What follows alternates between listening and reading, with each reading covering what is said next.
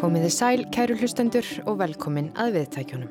Ég heiti Gíja Holm Gerstóttir og ætla að flytja ykkur sögur af landi. Þáttur þar sem flakkaður um landið, sögur úr samfélaginu rifjaðar upp og fréttamál líðandi stundar, skoðuð úr nýjum og oft persónlegum áttum. Í þætti dagsins munum við flakka um Siglunes við Siglufjörð, auk þar sem við ræðum um tvær bækur sem að nýlega komu út og eiga það sameigilegt að draga fram æfi minningar fólks. En við byrjum á Ísafyrði. Mentaskólinn á Ísafyrði fagnaði í byrjun mánadar 50 ára af mæli sínu. Halla Ólafsdóttir hitti heiðrúnu Tryggvadóttur áfangastjóra skólans í tílefni af þessum tímamótum. Í bland við viðtal höllu sem við heyrum nú að eftir við hana heiðrúnu áfangastjóra þá heyrum við einnig brot úr myndbandi sem að þrýr fyrrum nefnendur skólans, þeir Haugur Sigursson, Snævar Sölvi Sölvason og Ásker Helgi Þrastarsson unnu í tílefni Amalisins. Mentaskólinn á Ísafyrði tók til starfa haustið 1970. Þá var liðin aldar fjórðungu frá því að fyrst var flutt frumvarp á alþingi um stofnum slíks mentasetus á vestfjörðum. Fyrsti nefndahópurinn sem innritaðist haustið 1970 taldi 35 sálir, 29 pilda og 6 stúlkur. Yðinskólinn á Ísafyrði var fyrir tveimur árum formlega saminnaður mentaskólanum og er hann úr rekin sem fjölbreytarskóli. Það eru hér heimamenn sem fara af stað upp úr 1960 og svona herja á það að það hér verður stopnaði skóli heimabygg þannig að 1970, 3. oktober er stoppdagur mentaskólans þannig að við fögnum núna 50 ára amali og þegar ég kem mér 91 þá fannst manni þetta að vera rosalega stutt síðan. Þetta var einhvern veginn eins og mentaskólinn væri ennþá svona á bernsku árum svolítið. En núna finnst mér að þetta sé orðið bara mjög langt síðan og við séum bara komin hérna á, já, svona á fullorðinsár. Já, ég heiti Heiðrún Tryggvardóttir og ég er áfangastjóri í mentaskólanum á Ísafjörði. Þú átt langa sögum með mentaskólanum á Ísafjörði. Hvernig hófst svo saga?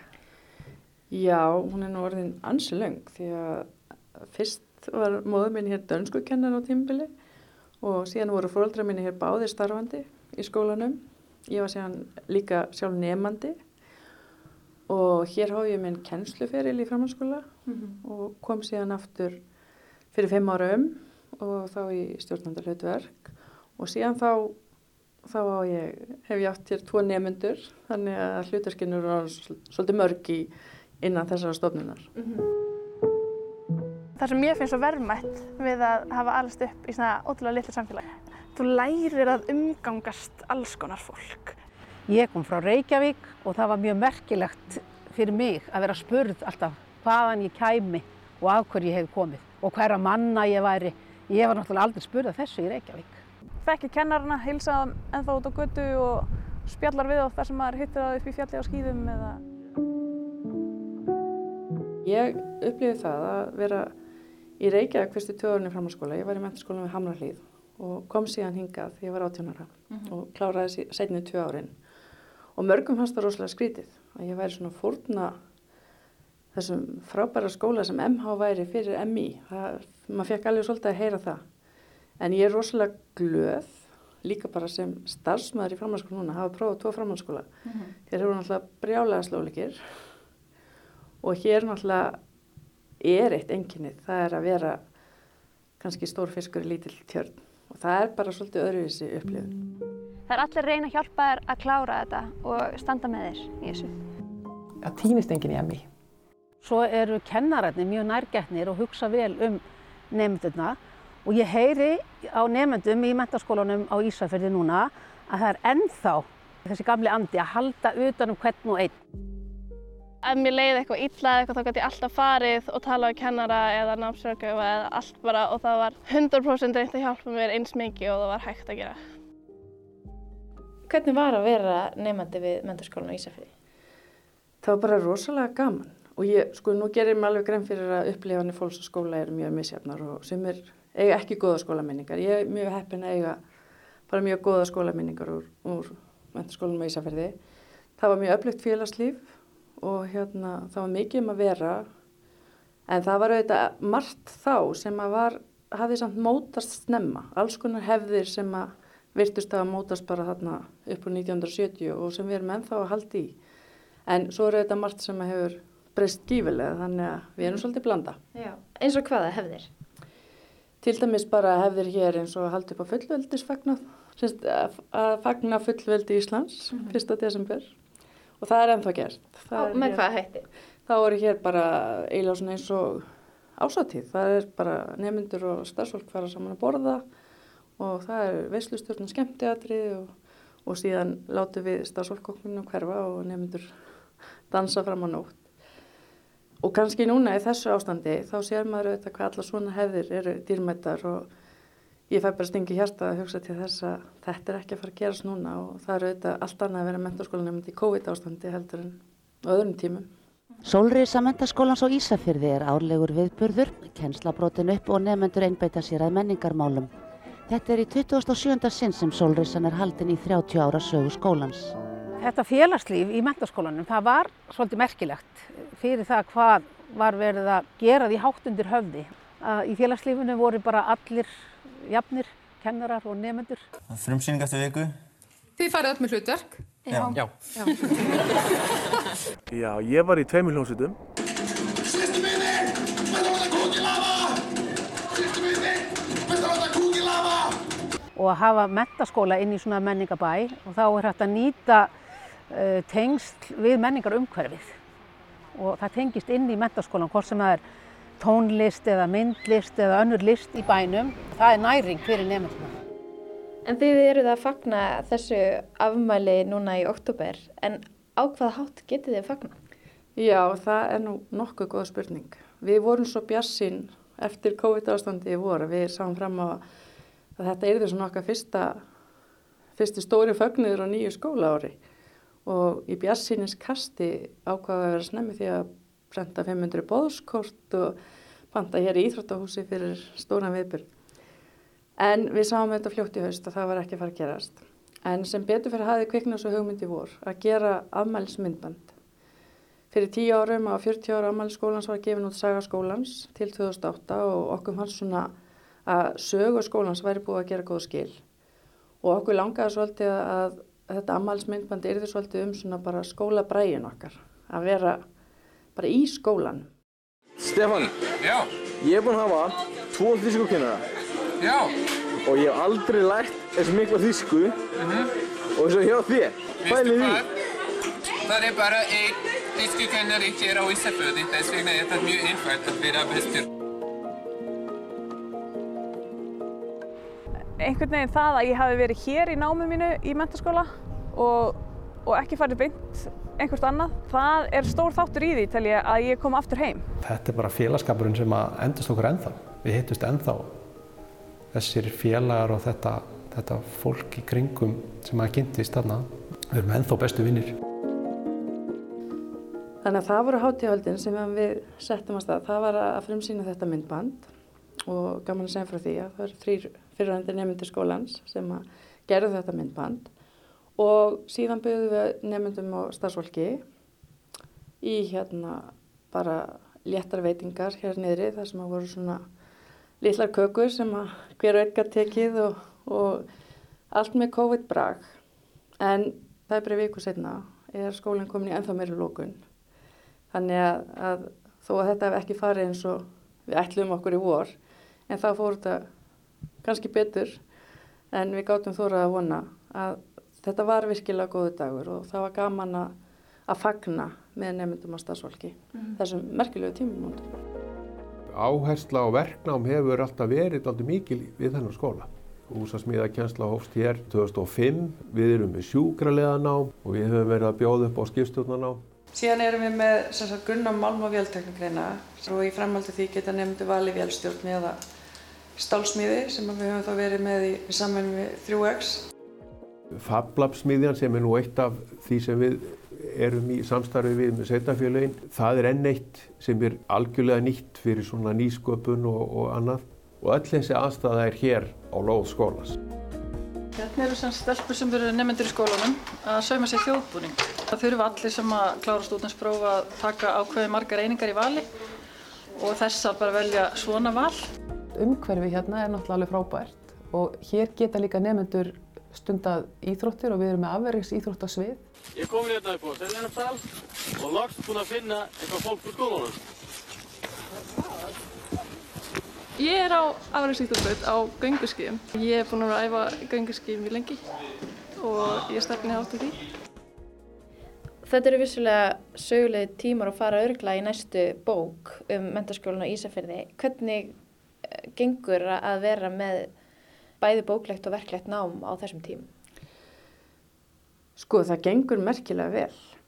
Ég bara held ég get ekki dásama starfsfólki hér nóg fyrir hvernig þetta er að ganga en ekki bara það heldur eru nefnundur líka bara ótrúlega æðruleysir og takast á þetta með jafnaða geði en þetta eru auðvitað engin drauma staða.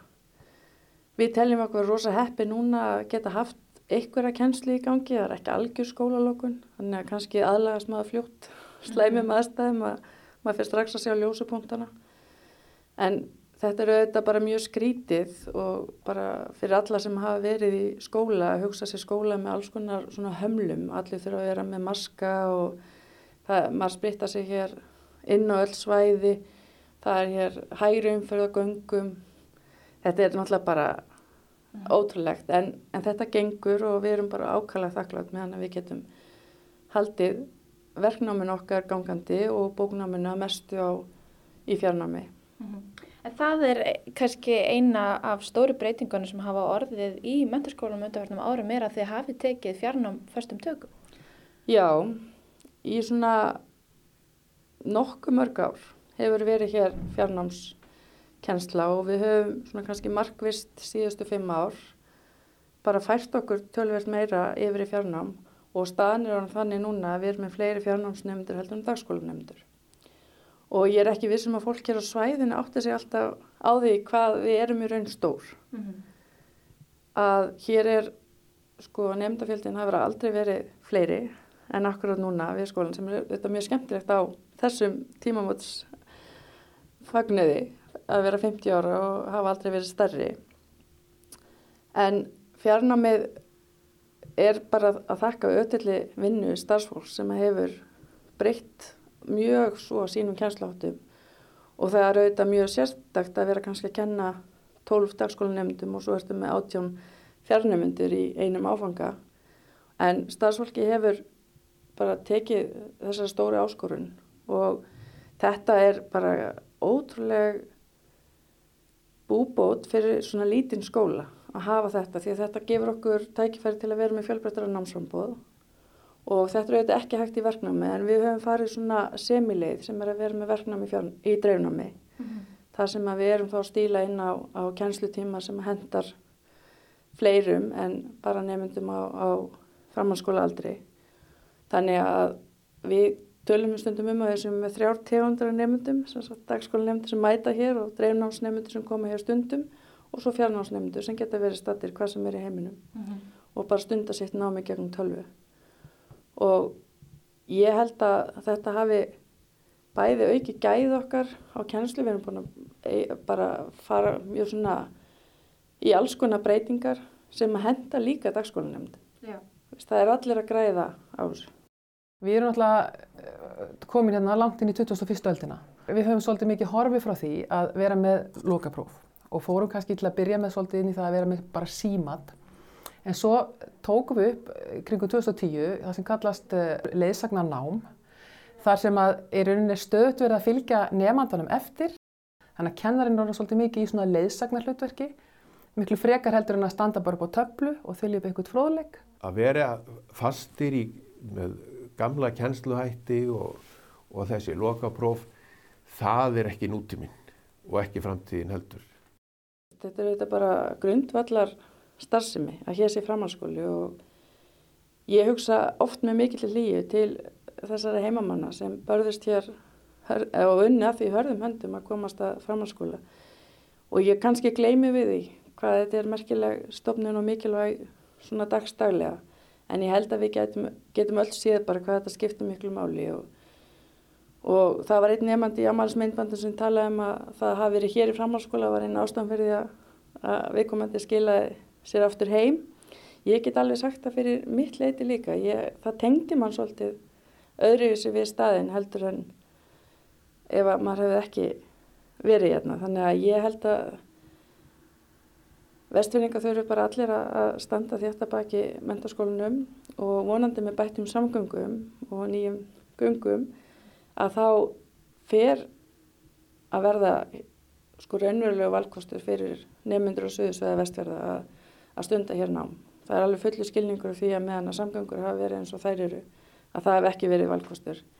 En við erum með frábæra heimaðist, það sem eru einstaklingsherbyggi með góðri aðstöðu Þannig að hér er allt til alls til að taka móti fleiri dagskólanemndum en við höfum líka rými fyrir fleiri dreifnáðsnemndur og fleiri fjarnáðsnemndur. Þannig að við erum bara að horfa, við erum bara bjassinn og við erum bara að horfa fleiri námslegar sem við getum verið með í bóði og hérna við viljum bara stækka. Mm -hmm. Sko, framtíð mentaskólans lítur að byggja á svona, þeim grunni sem að er núna og mentaskólan er mjög áhugaverðar að því liti að hann er af hann er nógu lítill til þess að allir þekki alla innan skólans en hann er nógu stór svo að það sé að bjóða upp á mjög fjölbreytta mentun bæði í bóknámi og í verknámi. Þannig ég sé það fyrir mér að, að við munum geta bóðið upp á bara uh, áfram fjölbreytt nám og, og verið bara samkeppnishæfið bestu skóla á landinu. Hvernig sér þú framtíð menturskónars og Ísafjörði? Ég sé hana bjarta. Ég, mér finnst ótrúlega mikil gerjun vera hér í, í hópi stafsmanna og það er svona hugur í fólki. Uh, okkur langar að fara að byggja hér verknámshús, stekka við okkur og gera aðstöðuna betri og velvilji er mikil til mentarskólans hér á svæðinu þannig að við höfum svolítið svona goða meðbyr og ég held að, að sko bara það er breytingar sem ég hef upplifað hérna þessum fimm árum sem ég hef starfað hér sem stjórnandi að ef að næstu fimm ár verða svo frjó og öflug að þá er þetta bara bjart. En við getum auðvitað ekki bara að horfa til fimm ára. Við þurfum auðvitað að vera að horfa til næstu 25 ára og næstu 50 ára því að hérna það eru þó okkur finnist 50 ára vera langu tími þá er þau auðvitað í raun fljóta líða. En ég held að það sé bara, já, það sé bara miklir svona vaksta möguleikar fyrir hendi og, og við bara meðum vera stolt. Að því að skólinn er ekki bygging, skólinn er fólkið sem er í hjónum. Ég held að þetta sé bara góði valmöguleiki fyrir nefndur og, og svo held ég að sé bara mjög spennand að búa á Ísafjörði. Mm. Og fljótlega var Ísafjörður bara heim og hérna er ég ennþá kom 74 fyrst.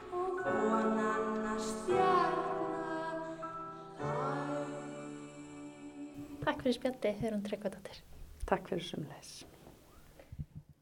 Þarna var rætt við áfangastjóra mentaskólans á Ísafyrði en skólinn fagnaði fyrr í mánuðinum 50 ára afmæli sínu.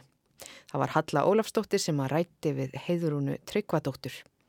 Í einslæginu voru einnig flutt brotur myndbandi sem gert var í tilöfni Amalisins en þar heyrðum við í Byrnu Jónasdóttur, Bryndísi Friðgersdóttur, Friðgeri Ómarsinni, Gilva Ólafsinni, Hildi Haldórsdóttur, Hildi Karinni Jónsdóttur, Jóni Páli Reynsinni, Jóni Reyni Sigurvinsinni, Köllu Vigdísi Vernharsdóttur, Lindu Rós Hannesdóttur og Þurriði Þorsteinsdóttur. En frá Ísafjörði höldum við á Norðurland.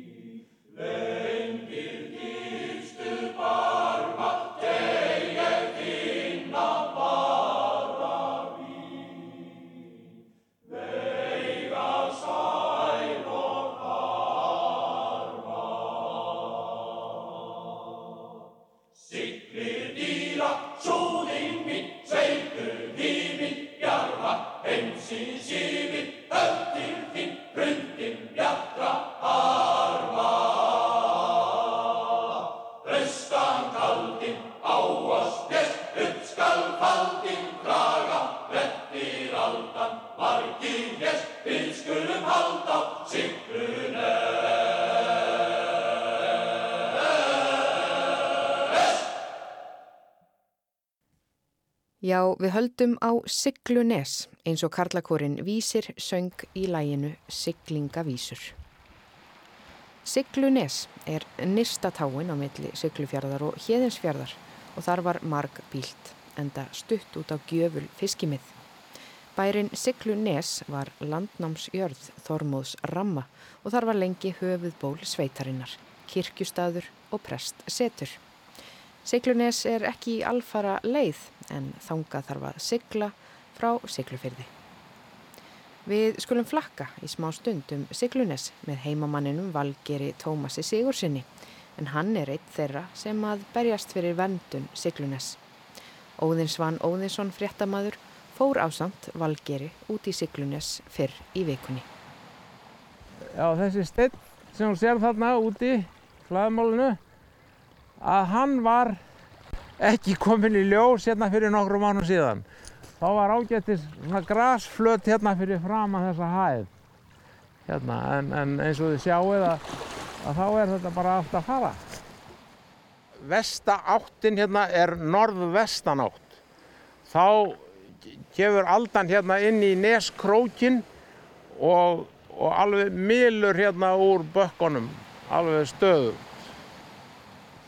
og ef það eru drömbar þeir sópast upp eins og eldspýtur ég hef séð sé það hérna í, í den þegar ég var strákur hvernig aldan sópaði þessum stóru rekatrjám alveg eins og eldspýtum upp í loftið. Ég er búinn að vera hérna alveg frá, frá því ég var krakki og ég minnist þess sérstaklega ef við förum aftur til ársins 1960 þá var til dæmis hérna þá var þetta gras í gróið hérna uh, minnstakosti svona upp að því sem að við stöndum. Gerir þeir einhverja grein fyrir því hversu mikið þetta hópar á hverju ári? Já, það er, það er nú svolítið misjamt en maður sér á hverju einasta vori þegar maður kemur þá sér maður munin. Það fugglabenn. Kalbenn.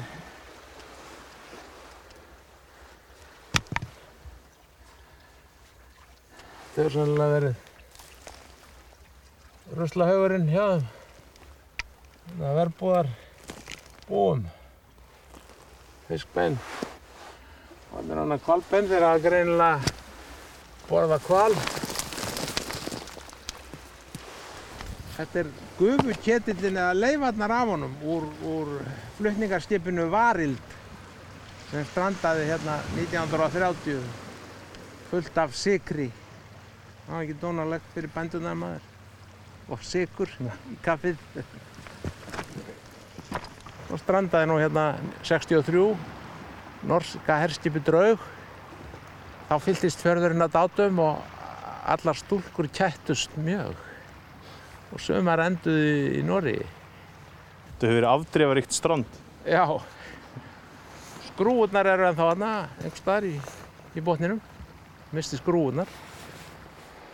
Í vondum veðrum þá gefur sem sagt yfir hérna og eins og sér þessa möl sem er þarna að hún kemur hér norðan að og, og, og, og sópast hérna upp á og yfir og alveg og honni í sjáaborð hinum megin.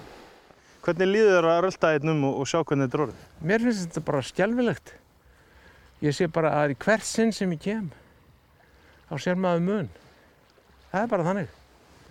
Og, og hérna eins og séu sjóbyðunar, það eru bara alla fatnar. Hvaða afleiðingar heldur að geta haft fyrir Siglufjörð og höfnina ef, ef það færi að flæða hérna allt yfir og þetta færi bara alveg? Já, þegar, þegar þess, þessi partur hérna, það er örgulega mjög stutt í það að það opnist hérna á milli og þegar það er orðið opið á milli að þá náttúrulega kemur gapið með, til með að stækka mjög hratt og þá verður mjög mikil hætta á því að, að þessi góða höfnan inn í Siglufjörði að hún verði bara, þú veist, ónótæf að einhverju leiti. Og þetta getur gæst bara á allra næstu árum? Já, mjög sennilega, ef ekkert verður aðgert. Ég myndi segja að það þyrfti að gera grjótgarð, setja grjótgarð þarna út frá skerjónum þarna niður frá, það eru sker þarna niður frá, sérðu, sem heita slísfarir og þeir sögðu nú gömlu mennirnir hérna að ef að það er því gert að þá myndi náttúran sjá um það að fylla hérna inn í neskrókin. Því að ströymurinn, hann er inn með hérna vestur ströndinni inn í fjörðin og svo er ströymurinn út að austanverðu. Og fyrir nokkrum árum síðan þá rutti hérna uh, vitavörðurinn, hann rutti svona fram bakka til þess að koma hérna upp tækjum upp á nesið og þá rutti hann svona smá bakka út í sjóin og það var nú regla gott viður hérna, þetta var um hásumar og næsta dag þá tók ég eftir því að austan við þennan röðning sem hann rötti út í sjóin að þar var komin sandeyri. Og það var bara út af strömmnum sem bar sandin hingað inn í, inn í neskrókin og svo náttúrulega ber hann sandin áfram og út aftur. Þannig að þetta er fljótt að gerast? Já og náttúrulega, náttúrulega skinsamlegast að láta náttúruna sjá um að gera þetta. Þá er engin kostnaður. Aðeins... Það, það sem þyrft að gera, það þyrft að gera þennan grjótgarð þannig að sé hægt að sapna þessu hérna með náttúrunar hendi. Þannig að þetta er kannski ekkert svo kostnaðarsum og dýr aðgerð að fara í að björga þessu? Ég hugsa ekki. Hverjir eru það sem þurfa að taka á skarið og fara í þetta? Já nú, hérna það er stórt er spurt eins og þeir segja. Það er ekki gott að segja því að hérna við getum nú tekið sem dæmi stóra grjótgarðin sem þeir gerðu við Grímsey um árið og heimamenn sögðu að verkfræðingarna að þetta gengi ekki, þetta myndi fara. Nú það stóðst alveg því næsta vetrabrumi þá kvarf þessi gardur. Þannig að það þarf að fá einhverja staðkunnuga að borðinu ef það gerði almennilega? Já, ég myndi segja að það er absolutt að fá heimamenn til hérna, skrafs og ráðagerða. Valger er ekki einn um að vekja málsa ástandi Siglunes. Átakshópurinn Björgum Siglunissi hefur að undarförnu bent á að nesið hefur hopað mikið og hverfur brátt undir sjó. Árið 2011 let fordleifa vernd ríkisins gera úttækt á Siglunissi þar sem landbrot var meðal annars metið. Kom þar fram að tölvert landbrot hefur verið undarfærin 60 ár, gróður þekja mingað, sumar minjar skemst vegna ágangs og einhverjar minjar þegar horfið í sjó. En við skulum hveðja Siglunes með öðru lægi frá Siglfyrska Karlakornum Vísi, hér með lægið Sjómanna líf.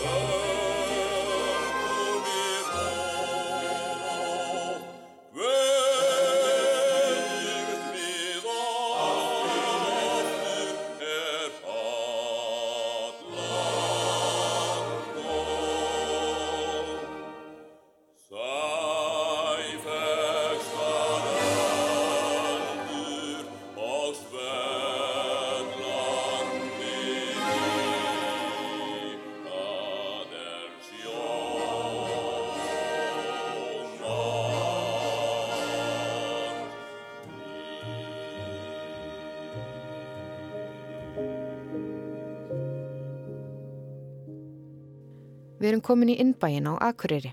Þar heimsækjum við konu sem var að gefa út tvær bækur sem báðar byggja á æfiminningum fólks. Já, ég heiti Kristín Aðalsteinsdóttir. Þú ert búin að gefa núna út tvær bækur svona á sama tíma. Það er nú óvanalegt kannski að fólk gefa út tvær bækur á sama tíma. Hvernig kom þetta til? Það er nú uh, tilviljun e eiginlega. Ég byrjaði á bókinni Myndur og minningar í februar og skrifaði þá 70 manns brefið um það byl. En um svipaleiti hafði æskuvinnur mannsins meins, Jón Hjartarsson, samband við mig og spurði hvort ég vildi rittstýra bók með honum. Og ég bara sagði já við öllu saman. Já. Og þú situr hérna með aðra bókina í fanginu og það eru þessar bókin sem að heiti Myndir og minningar. Hvernig valdur þú fólkið í þessa bók? Ég uh, valdi það ekki alveg bynlinis heldur. Ég satt hérna og hugsaði hverjir eru svona svolítið uppbyggjandi í hugsun, jákvæðir, hressir eða hafa einhver ákveðna reynslað baki. Og ég sem sagt, eins og ég sagði við þig, skrifaði til, skrifaði sjö, eitthvað um 70 manns bref og 60 hafa sagt mér sögur. Eða þeir voru aðeins færri en það sama. Og uh, sögurnar komi bara mjög fljótt. Ég baði að segja mér frá einni minningu Já. í lífi sínu sem að kannski kemi fyrst í hugan þegar þau fengið frá mér brefið og sögurnar eða minningarnar eru ótrúlega ólíkar reyndar eru þrýr sem segja frá eða fjórir sem segja frá ömmu sinni og lífinu með ömmu. Ja. En annars er þeir bókstaflega mjög ólíkar. Og uh, sem sagt, uh, sögurnar stremdu inn og ég fór og umleið og sagan var komin og tóku mynd af viðkomandi. Ég er mjög gaman að því að taka myndir og þarna var tilvalið tækifæri til þess að fá útrás fyrir þá löngun og uh, ég tók myndir af þessu fólki. Já. Er þetta fólk eh, hvaðan á landinu eða? Nei, það er eh, engöngu frá, uh, frá Akureyri og nánasta umhverfi. En það er, en svo er líka uh, saga frá bróður mínu sem byrjir Svíþjóð vegna þess að ég segi minningu um hann í formálanum og ég vildi hafa hann með. En hvers vegna minningar? Af hverju ákast að fara í þetta ferralag? Vegna þess að minningar eru oft svo myndrænar og við munum gerna það sem að er uh, skemmtilegt eða tengt tilfinningum, eitthvað skrítið, eitthvað undarlegt. Og þetta verður að einhverju mynd í huganum, öruglega ekkert alveg hárjætt eins og atbyrðurinn gerðist en uh, þessa mynd er hægt að skrá. Og þessar minningar eru okkar, okkur margar hverjar mjög kærar. En í þessari bókuru líka sorglegar minningar uh, finnar minningar en það eru samt myndir hugans Þú segist eiga sjálf eina minningu þarna sem skrifar um í formólanum mm. uh, Getur þú deilt því með okkur? Já, ég get það. Eh, þetta er svona svipmynd frá minnibærisku. Minningin er frá 27. júni 1950. Ég átti heim í Keflavík. Ég stóð á stól við glukkan í stofinu heim og horfið út. En þarna kemur ljósmóðurinn með bróðurðin í tösku, sagði Amma Vilborg. Sama dag var pappi på þakki eitthvað að bauka. Ég stóð í grasinu fyrir neðan og horfið upp til hans. Ég er að gera gata á þakið svo storkurinn komist inn í húsið með nýja barnir, saði pappi.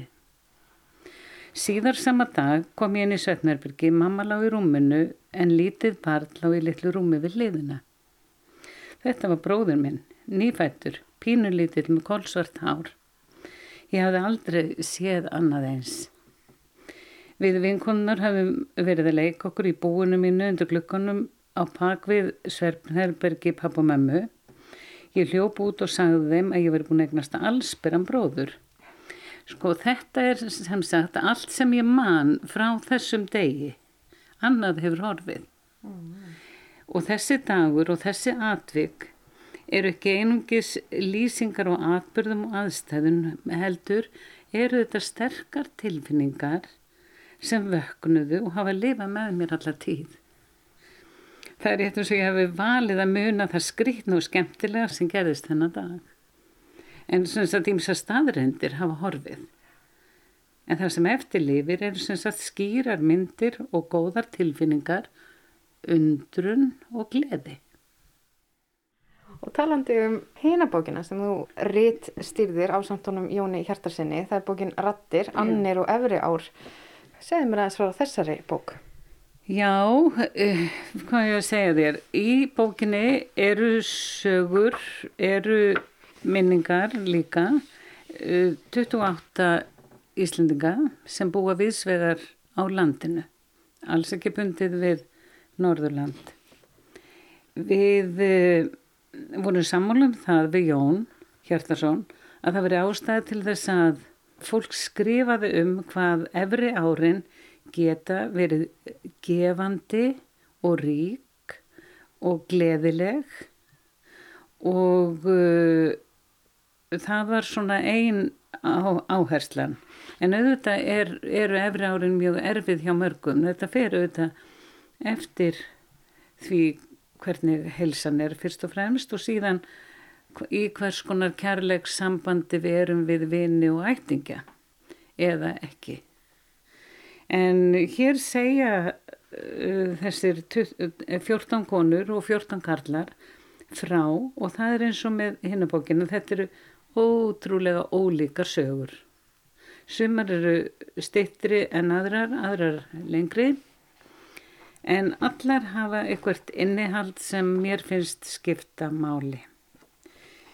Hér til dæmis uh, skrifar Margrit Henriksdóttir og lögfræðingur um uh, líf sitt án þess að hún talar ekki um starfsæfina en hún, þessi kapli fyrir er svona eins og góður kapli í lífsheimsbyggi og uh, bara holdt að lesa svona góða kapla og svo kemur bara hver kaplin og fætur öðrum sem gefur bæði gleði og visku. -hmm. Er eitthvað svona já, sem að enginni, þú segir þetta séu þetta mjög ólíkar sögur en, en þetta að vera komin á efri ár, mm. er eitthvað svona sem að enginnir uh, þeirra sjónarhórn? Veistu það, það finnst mér ekki. Sko, fó, þetta fólk gæti í rauninu verið á hvaða aldri sem er en það er auðvitað, nei það er auðvitað ekki rétt á hvaða aldri sem er en þetta fólk það hefur lifað löngu lífi og uh, hefur frá mörg að segja. Það er eiginlega það sem ég get sagt. Já. Það hefur verið í umræðinni, ég bara aldursfordómar. Já. Hva, hvað myndur þú segja um það eftir að hafa reytstýrt þessari bók með öllum þessum sögum? Mér, mér finnst bara fyrst og fremst þetta fólk hafa svo óskaplega mikið að gefa það sagt, hefur lifað lengi, það hefur lifað ólíku lífi, þarna er mikil, mikil viska á ferðinni. Ég, þegar þú minnist á, á fordóma, þá verði ég eins, einstakar sinnum vörfið að fordóma gagvart mér og mínum aldrei svo ég taki þetta persónlega ef ég má.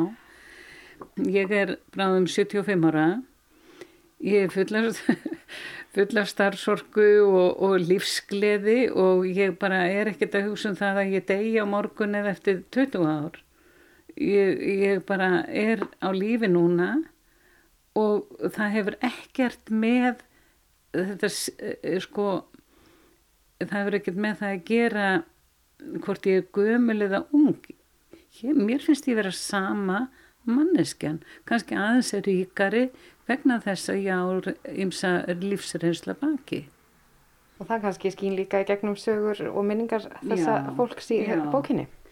Yngsta konan er 68 ára, elsti er 104 ára og það kemur fram í þessar bók, þessi skýra mynd á af því hvernig Ísland, lífið á Íslandi hefur breyst. Uh, ég tók viðtal við konu sem býr hérna fram í eigafyrði, fór til hennar einn fimm skipti og uh, hún segir, hún segir, ég fætti innri lambadali dýra fyrir því yngst 14 sískina. Jón bróði minn sem fættur var 1917 sagði að pappi hefði horfið út í kolsvart myrkrið á hestinu sinn til að sækja ljósmúruna sem hétt hans sína Guðjónsdóttir. Þetta hefði ekki verið í frásögufærundin nema vegna þess að hann sína skammaði pappa allan tíman sem fæðingin átti sér stað fyrir að vera ekki búin að gera við bæin. Rygningin var svo mikil þennan dag að bærin lag, allt var blöytt, líka rúmið hennar mömmu. Þegar hann sína kom tók hún blöyta sængina hann að mömmu og breyti gæruskinn sem þarna var yfir hana. Svo óð hún með hendurnar undir skinnið og drómi grenjand undan gærunni. Sko, sérðu hvað það er langt síðan þetta gerðist? Berði þetta saman við það að fara upp á fæðingadelt núna og hafa alla þjónustu og svo er kvartað og kveina. Þannig eru þau 14 sískininn og hún er, hún er samt ekki yngst. Og hún, eða ég held, mér minnir að það, að það sé rétt hjá mér, og það er bara all langt í frá nægur matur til í húsinu í bænum. Og þau eru látin liggja undir uh, hérna feldi til þess að og, og reyfa sig ekki svo þau verði síður svöng á því að vanta mat. Og þetta eru minningar brot Þetta eru þess, þess, þessa sögu segir Ingi Björg Bjarnadóttir mikil heiðurskona sem býr hér inn í fyrði. Hvers vegna er mikilvægt að skrásetja minningar og minningar sínar? Þetta er nú aldrei stór mm. spurning og það, það er ekkert mikilvægt fyrir fólk persónulega endilega. Ég ekki, hef ég til dæmis sjálf minnst áhuga að skrifa mína sögu. En við getum lært svo mikið af sögum annara eins og til dæmis þetta sem ég var að taka dæma um. Og um, svo er þetta líka skemmtilegt, þetta er forvitnilegt. Þetta er uh, gefur manni svona breyðari sín og kannski dýbri skilning á því hvernig lífið getur verið Þegar ég ringdi í þig fyrr í dag þá varst þú að fullu að keira út bækur, yeah. vantarlega til já, þeirra já, já. sem að samþýtti að vera í bókinniðinni myndir og minningar. Hvernig fannst fólki að sjá sjálft sig á síðum bókarinnar? Það verð, ég, ég tek með einu opn og síni eh, sumum sem sagt hvernig það lítur út í bókinni. Það hafa allir orðið voðalega gladir og en það er þetta fólk fallegt og gaman að þessu sko. En eru margir, sagt, nú erum við komin aftur í hinnabókina, þú veist nú hérna með þessar tvær bækur, voru einhverjir þessara sem þú hafið samband við óvandi að deila svona minningum og, og persónulegum sögum? Nei, nei, það er svo enginlegt, ég þekkti alls ekki alla sem ég baði um sög, eh, sem ég talaði við, en það var engin sko þegar, eftir að fólki sagði já sem það sagði bara yfirleitt strax þá bara gekk þetta. Það bara eh, rann eins og fallegt fljót. Ekkert mál. Það er gott að ljúka á þessu. Takk fyrir spjallið Kristín Adalsteinsdóttir og til hamingi með bækurnar þínar tvær. Takk fyrir kærlega, gaman að hitta þig Þarna var rætt við Kristínu Adalsteinsdóttur á Akureyri um ný útkomnar bækur hennar. En þar með að komið að lokum í sögum af landi í dag en í þættinum var auk Kristínar rætt við Heidrúnu Tryggvadóttur áfangastjóra mentaskólans á Ísafyrði og Valgir Tómas Sigursson, eitt þeirra sem berst fyrir verndun Siglunes við Siglu fjörð. En tæknimaður þessum þætti var úrfyldur Eirsteinsdóttir. Við þökkum þeim sem hlýttu lífið heil.